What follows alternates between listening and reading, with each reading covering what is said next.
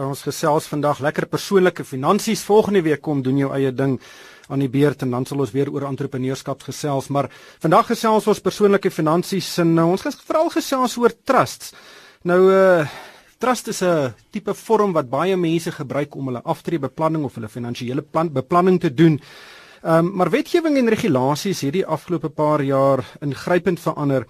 Ehm um, wat die aantreklikheid van 'n trust ehm um, dramaties verminder het. Ehm um, en dit is 'n ingewikkelde onderwerp, maar ek dink dit is kritiek dat baie families presies verstaan wat die voor- en die nadele van trust is.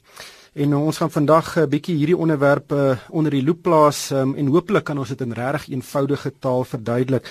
Om my te help uh, is Louis Venter, hy is hier saam met my in die ateljee en hy is die besturende direkteur van Wealth Succession en hy's 'n lid van Visa. Goeiemôre en dankie dat jy hier is vandag. Baie dankie Ryk, lekker om saam met julle te gesels. Louis, ek wil vinnig begin by trusts. Uh, Presies, wat is 'n trust en hoekom sal families oorweeg om 'n trust te hê?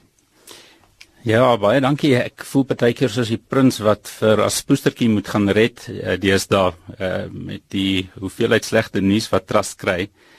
Ehm, um, maar jy weet so 'n gesprek begin om eerstens net te verstaan waar kom 'n trust vandaan en wat is sy unieke kenmerke en wat is dit wat hom so aantreklik maak? Nou, 'n trust eerstens is seker omtrent 600 jaar oud, so is nie iets, is nie iets niets nie. Ehm, um, en dit moet sy ontstaan te danke aan die behoefte in sekere omstandighede vir iemand anders om te kyk na bates wat tot jou voordeel is. Ehm um, en dis die eerste eienaars die eerste uh kenmerk van 'n trust wat wat eintlik vir jou wys of jy moet gebruik of nie. Uh en dit is dat 'n trust is uniek in die sin dat hy word nie besit deur iemand nie. Ehm um, so dit is uh, sê nou maar kom ons vat 'n vakansiehuis wat nou 'n algemene voorbeeld is wat 'n familie nou in 'n trust sal sit. Uh die trust besit die die huis maar geen lid van daai familie ehm um, besit enigsins iets van daai huis nie. Dit is 'n uh, totale entiteit op sy eie. Dis die punt. Ehm um, en dit verskil dit maak dit anders as 'n kom ons sê 'n maatskappy of 'n beslote korporasie wat maar deur jou besit word. Uh 'n trust bestaan net en dit is uniek. Dis die enigste voertuig wat daai kenmerk het. Maar hoekom sal uh, hoekom sal ek die trust dan in in so uh, die sê nou maar die vakansiehuis in so 'n trust wil sit? En wat is my voordeel om dit nie te besit nie?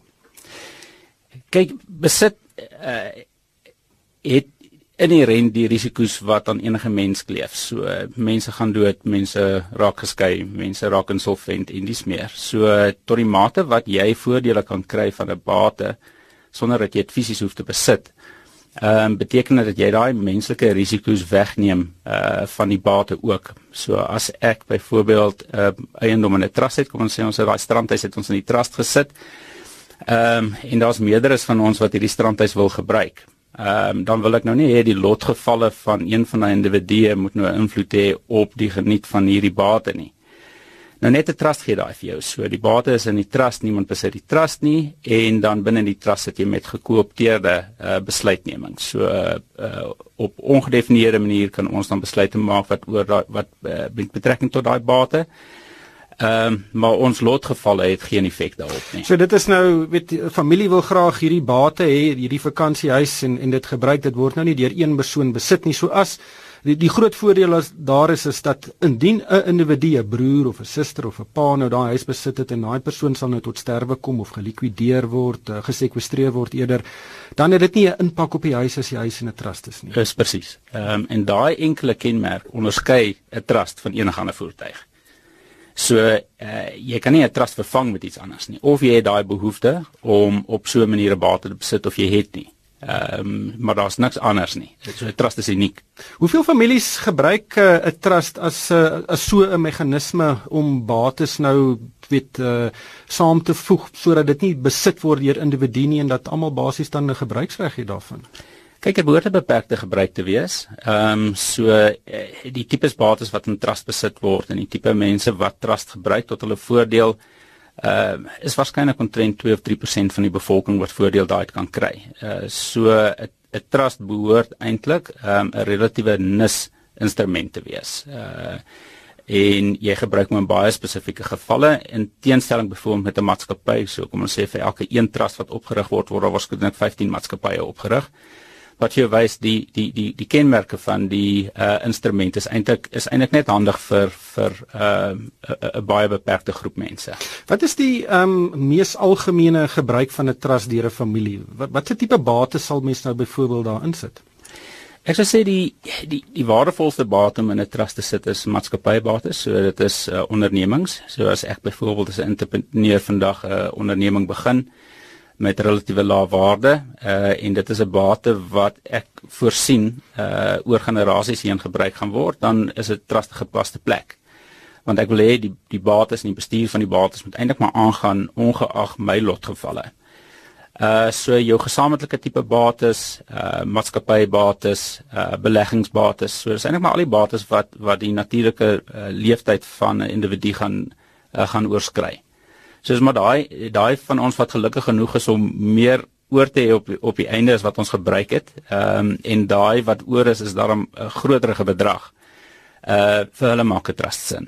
Maar die klem is op op langtermyn. Ehm um, jy wil as 'n familie byvoorbeeld nou uh welvaart skep in daai in in daai trust en dit moet oor verskeie generasies strek. Ehm um, is, is dit een van die groot voordele van 'n trust? Absoluut. En en saam met dit gaan die gekoopteerde besluitneming. So ehm um, as ek byvoorbeeld te sterwe kom en ek het kinders wat nog jonk is, dan gaan ek graag uh, besluitneming wil koopteer. So daar het ek 'n trustee wat dan uh, namens my besluite maak uh, en min of meer die besluite maak as wat ek sou gemaak het sou ek in die lewe gewees het. Uh so jy jy het die vermoë om 'n uh, ewigdurende bestaan te gee aan die bates en die besluitneming en die manier hoe goed gedoen word.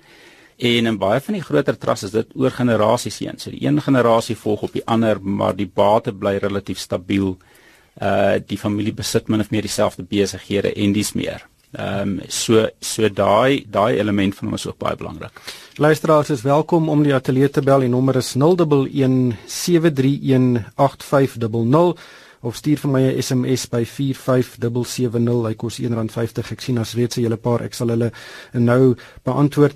Ehm um, Louis hoe bestuur 'n familie nou die bates binne 'n trust? Ehm um, jy sê nou daar's trustees uh, maar wie is hulle en wat is hulle rolle en en hoe word hulle aangestel? Ja, is is 'n baie baie goeie vraag want ehm um, wat dit moeilik maak is as jy 'n trustee van 'n trust is dan en jy het ook jou persoonlike boedel, dan is jy eintlik een mens wat op twee stoole sit. Uh, en dit maak dit nog meer gekompliseer as jy nou 'n maatskappy ook daarbey sit. Dan kan jy nou letterlik een mens wees wat op drie stoole sit. So as jy 'n trustee van 'n trust is, ehm um, dan bepaal die wet op trustgoedere dat jy na daai bates moet kyk asof dit die bates van iemand anders is. So die mate van sorg uh, wat uh, jy moet toepas as 'n trustee verskil drasties van die mate van sorg wat jy gaan toepas op jou eie bates. Uh so al is 'n familie en as al is familielede beginsigtes van 'n trust, as jy die oomblik wat jy op die stoel van 'n trustee sit, moet jy jouself soos 'n trustee gedra. En dit is gewoonlik die toets wat die howe ook uh toepas om te kyk of daar nou werklik 'n trust ontstaan het of nie. Uh is is is die gedrag van die trustees en hoe hulle te werk gaan met die bates. Maar hoe word die trust uh, trustees aangestel? Sien jy maar jy het 'n gewone familie uh, uh die die uh vader of die man in die familie het nou 'n uh, paar bates kom ons gebruik nou maar weer die strandhuis in 'n trust gesit, um, sodat die dag as hy afsterf dan is dit nog steeds 'n familiebate. Um weet daar sien nou maar daar's twee broers, um hoe is hulle outomaties die trustees of hoe hoe hoe, hoe kies daai trust uh, die trustees? Die meester van die Hooggeregshof het 'n het 'n oorsigfunksie oor oor trustees. So niemand in die land mag as 'n trustee uh, optree uh indien hulle nie deur die meester goedgekeur is nie. Nou die dokument wat die meester opstel wat vir jou aantoon wie die trustees is, noem ons die die magtigingsbrief van die trust. Uh so jy gaan jy gaan individueel kom sê die familielede wat almal aansoek gaan doen by die meester en te sê oorweeg my asseblief as 'n trustee en uit 9 en 10 gevalle gaan die meester sê dit is reg so maar die meester gaan deesdae wil weet maar wat is jou ervaring uh, en wat is jou verhouding met betrekking tot die trustbates? As dit byvoorbeeld al die trustees net uh, ook beginsigtes is dan gaan die meester vereis dat daar 'n onafhanklike trustee aangestel word. Uh, so die trustees uh, moet kan bewys dat hulle mate van onafhanklike denke het met betrekking tot trustbates en dat hulle onpartydig besluite kan neem Maar dis gewoonlik mense wat uh, verbonde is. Ehm um, weet ek ek uh, gaan na mense van buite wees wat jy glad nie ken nie wat uh, wat op daai een van die trustees is. Uh, verkieslik ja. So dis goed as die familie self trustees is want hulle weet wat hulle wil doen met die bates en dis meer, maar jy het tog daai onafhanklike voice of reason nodig uh wat vir jou ehm um, die help deur die tegniese uh, kante van 'n trust ehm um, en om seker te maak dat die trustees besluite neem wat onafhanklik is uh tot die begunstiging. Ons het op die lyn uit die Kaap ehm um, vir 40. Ek weet nou nie of ek die naam reg uitspreek nie. Uh, maar goeiemôre en vra gerus gerus jou vraag. Kan ek gou RSG asseblief en luister dan? Hallo, kan ek jou is daar 'n vraag? Ja, okay, die vraag is uh, die die die die situasie wat uh, baie mense die daar geëmigreer het of die beneficiaries het geëmigreer. Sal dit uh, sal dit 'n persoon sal dit enigstens 'n impak hê of die persoon in Suid-Afrika is of in die buiteland?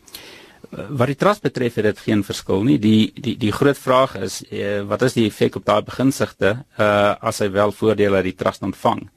En dan moet jy gaan kyk in watter land daai begunstigde bly. So as die begunstigde byvoorbeeld Australië toe geëmigreer het en uh jy kry begunstiging uit 'n trust, is die belastingeffek daarvan eintlik nogal nadelig. Ehm um, so iemand in Australië sal byvoorbeeld veel eerder 'n erflating wil ontvang as 'n distribusie uit 'n trust uit. So dit maak dit kompleks. Uh die Suid-Afrikaners wat uh oor see bly en baie van hulle is in die uh portuur van mense wat wel trust begunstigdes is. is uh die kompleksiteit met betrekking tot die trust is, is uh, erg verhoog. Hmm. Eddie is op die lyn uit die Noord-Kaap. Uh, Goeiemôre Eddie, uh, vraag gerus jou vraag. Ag, uh, môre man, ek wil net hoor uh ek het uh die laaste 20 jaar het ek plase gekoop en elke plaas is in 'n trust. En uh ek en my vrou is die trustees en my twee kinders is die begunstigdes. Maar ek het nie uh, my persoon vir my bates opgebou nie. Uh wat doen ek? Is al daai plase in individuele trusts of is hulle in een ja. trust? Nee, almal is in individuele trusts. Hm. Louis Ja, wel eerstens geluk met jou goeie boedelbeplanning want jy besit geen bates nie. So jy weet daai is 'n onmiddellike regmerkie in my boeke met betrekking tot die beplanning.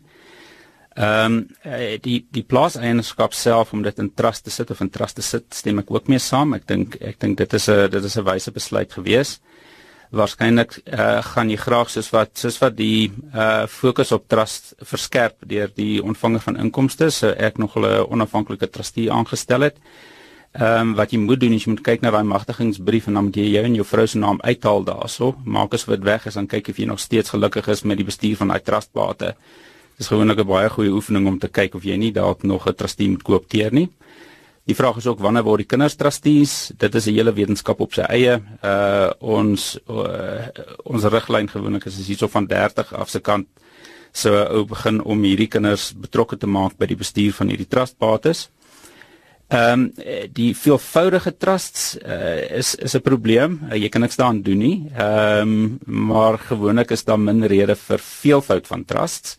So jy al daai plase byvoorbeeld in een trust gesit het. Ek sou in een trust gesit het en dan sou ek die boerderybedrywighede sou ek vanuit 'n maatskappy bedryf het. Ehm um, dit is die dis die klassieke manier om die om die boerderybedrywighede te bestuur.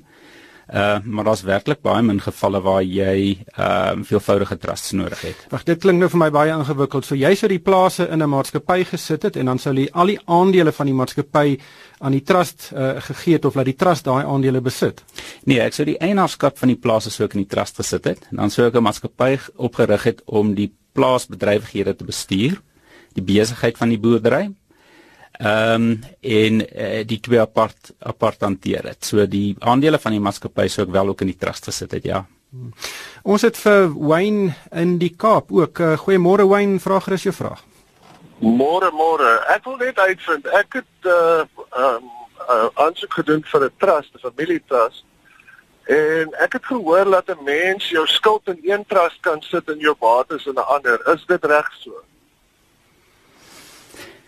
Ja, kyk jy die skuld ongelukkig het jy nie 'n keuse waar jy dit wil sit nie want jy skuld iemand anders geld, jy weet. So uh jy weet skuld kan jy nie rondskuif soos bates nie. Ehm uh, so miskien net om, om daar 'n onderskeid te tref, so uit 'n logiese oogpunt maak dit nie vir my 100% sin nie.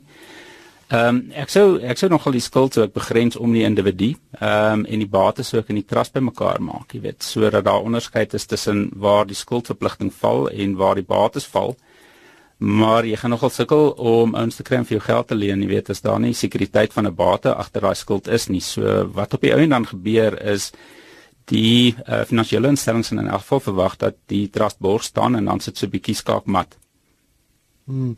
Ons het vir uh, mevrou Joubert op die lyn uit die Parel uit. Uh, ons het baie ondersteuning daar uit die Kaap uit vandag. Uh, Goeiemôre, vra gerus jou vraag. Uh, Goeiemôre. Uh, ek wil net meer noem uh, my pa is 33 jaar gelede sy oorlede. Hy het 'n trust nagelaat vir ons vier kinders wat verdeel is sodat elkeen 'n kwart 'n kwart daarvan kry. Maar die plaas, die hoofplaas mag nie verkoop geword het nie. En dit is ook uh, nie in die trust geplaas nie, maar op my broer se naam gesit. Uh, maar ek dink dit was half gedwonge 'n plasing omdat ek bang is dat die dogters mag dalk trou en dan kan die mans die plase oorneem. So dit het genoem uh, dat die plase nie mag verkoop word nie. Al die ander bates is verkoop, die ander plase waarvan die geld in die trust gesit is, maar een plaas is mag nie verkoop geword het nie. En wat wel op die my, uh, uh, my broer se naam gesit is. Nou het hulle gegaan en hulle het 'n deel van die plaas aan die staat verkoop behalwe die feit dat my pa gesê die plase mag nie gaan nie dit moet gaan van uh, geslag tot geslag tot in die hmm. vierde geslag en ja. nou is die plase verkoop die sou verkoop en ek wil weet uh, en hy die bate daarvan gaan die bate mag nie uh, gebruik word nie die bate moet belê word. En ek wil net weet uh, uh, wat se wat se reg het ek om te sê dat die bate moet ook verdeel word in die trust? In geval van uh, kan jy 'n trust gebruik om te regeer uit die graf uit? Ja, dis 'n ideale plek om te regeer van die graf uit. Die die probleem is jy weet baie van die planne wat jy maak is nie altyd so prakties uitvoerbaar nie en dan kom jy reg in in in in, in help die lewendes ehm um, uh, weet wat die wat die uh, wat beskryf word hier so is 'n tipiese fideikommissum. Uh, so dit dit dit is nie 'n trust nie, maar dit is 'n quasi trust. So uh, ek vererf my plaas aan my seun Johan en Johan uh, op sy beurt uh, hou dit totdat sy seun Kosie dit kan erf. Dis 'n fideikommissum. Nou twee goed daarso. Een is jy kan dit nie met meer as twee geslagte doen nie. So in die derde geslag verval daai fideikommissum en die tweede is as dit onroerende eiendom is, veral plaas eiendom, dan het 'n hof die diskresie om sodanige beperkings in elk geval op te hef. Ehm um, so uh, dit dit klink vir my wat hier dit is wat hier ge gebeur het. Ehm um, die fideikommissum bly staan. Met ander woorde die uh die opbrengs van die plaas ehm uh, moet dan bewaar bly uh vir die volgende geslag. En ag sonder om nou tegnies te raak, jy weet, maar uh, in baie van hierdie gevalle as dit 'n kontant bedrag is, jy weet dan se enigste verpligting net om 25% daarvan te bou te laat bly. Maar goed, dit raak dit raak tegnies. Nee, absoluut, maar maar kan jy sulke reëls maak? Kan iemand wat uh, sê nou maar dit is uh, my strandhuis gewees en ek wil hê my kinders moet dit eendag verkoop. Kan jy dit in die akte inskryf en sê, luister, julle mag nie my my huis verkoop of jy mag nie daai huis verkoop nie. Absoluut. So jy weet die twee tipiese gevalle wat ons kry is die een is die fideikommissum wat ons nou net hmm. bespreek het en die tweede is vruggebruik. Uh so vruggebruik is algemeen waar ek 'n uh, plaas bemaak aan my vrou of ek bemaak die plaas aan my kinders of in 'n trust en die vruggebruik gee ek vir my vrou vir die vir, vir haar leeftyd. Maar kan die trustees kan die trustees daai akte verander? Daai akte kan nie verander word nie. Nee, net 'n hof kan dit verander. Die trustee sal dit nie kan verander nie. Want Helen vra sy vra op SMS uh weet daar's 'n trust vir haar kinders geskep. Ehm um, en uh die kinders is toe oorlede Ehm um, en nou lê daar geld in die trust en nie en sy kan nie toegang kry daarvoor nie want sy is nie begunstigde nie. Dis moontlik so in in so 'n geval moet ou net mooi gaan kyk of die trust gefaal het. So as die trust gefaal het, met ander woorde daar is nie meer begunstigdes nie, dan uh, keer daai bates eintlik terug na sy bron toe, soos of die oprigter of die erflater, uh, en dan verdeel dit in terme van die logika wat daai persoon nagelaat het. Ehm um, daar is wel 'n uh, 'n uh, uh, uh, bepaling dat jy kan enige tyd die hof nader uh vir 'n bevel om die trustakte te wysig as daar omstandighede is wat die oprigter nie kon voorsien het nie. Hierdie klink soos 'n so geval. Die hof is ongelukkig 'n bietjie duur, so hoër of hmm. aansoek, jy weet so mense mense waarskynlik kyk tussen 50 en 100 000 om so probleem om te op te los en dit dit partykeer is is die probleem. Ehm um, word trustees betaal? Trustees behoort betaal te word. Ehm um, dit is 'n fiduciêre verpligting, is 'n verpligting met 'n enorme hoeveelheid risiko. Uh meeste van die trustaktes bepaal wel dat uh, trustees uh, betaal kan word. Uh in meeste gevalle uh vra familielede wat nou as trustees optree nie of nie vergoeding nie, maar dit is eintlik standaard praktyk dat 'n trustee soos 'n direkteur vergoed word. Hier's verskeie vrae oor die ontbinding van 'n trust. Ehm um, hoe ingewikkeld is hierdie proses? Ag, dit is redelik eenvoudig. So as die trust nie meer bates het nie, het geen bates of laste nie, ehm um, dan is dit 'n resolusie wat die trustees neem om die trust te beëindig. Ehm um, en dis 'n stel dokumentasie wat by die meester ingedien word en dan uit die aard van die saak ook by die ontvanger. Ehm uh, so die die beëindiging van 'n trust is relatief eenvoudig. Ehm um, watter tipe bates is die beste om in 'n trust te sit? Uh, hier is twee SMS'e wat vra, is dit 'n goeie idee om byvoorbeeld 'n woonhuis in 'n trust te koop? Die algemene antwoord is enige groeibate. So enige groeibate is 'n goeie bate, 'n goeie trustbate.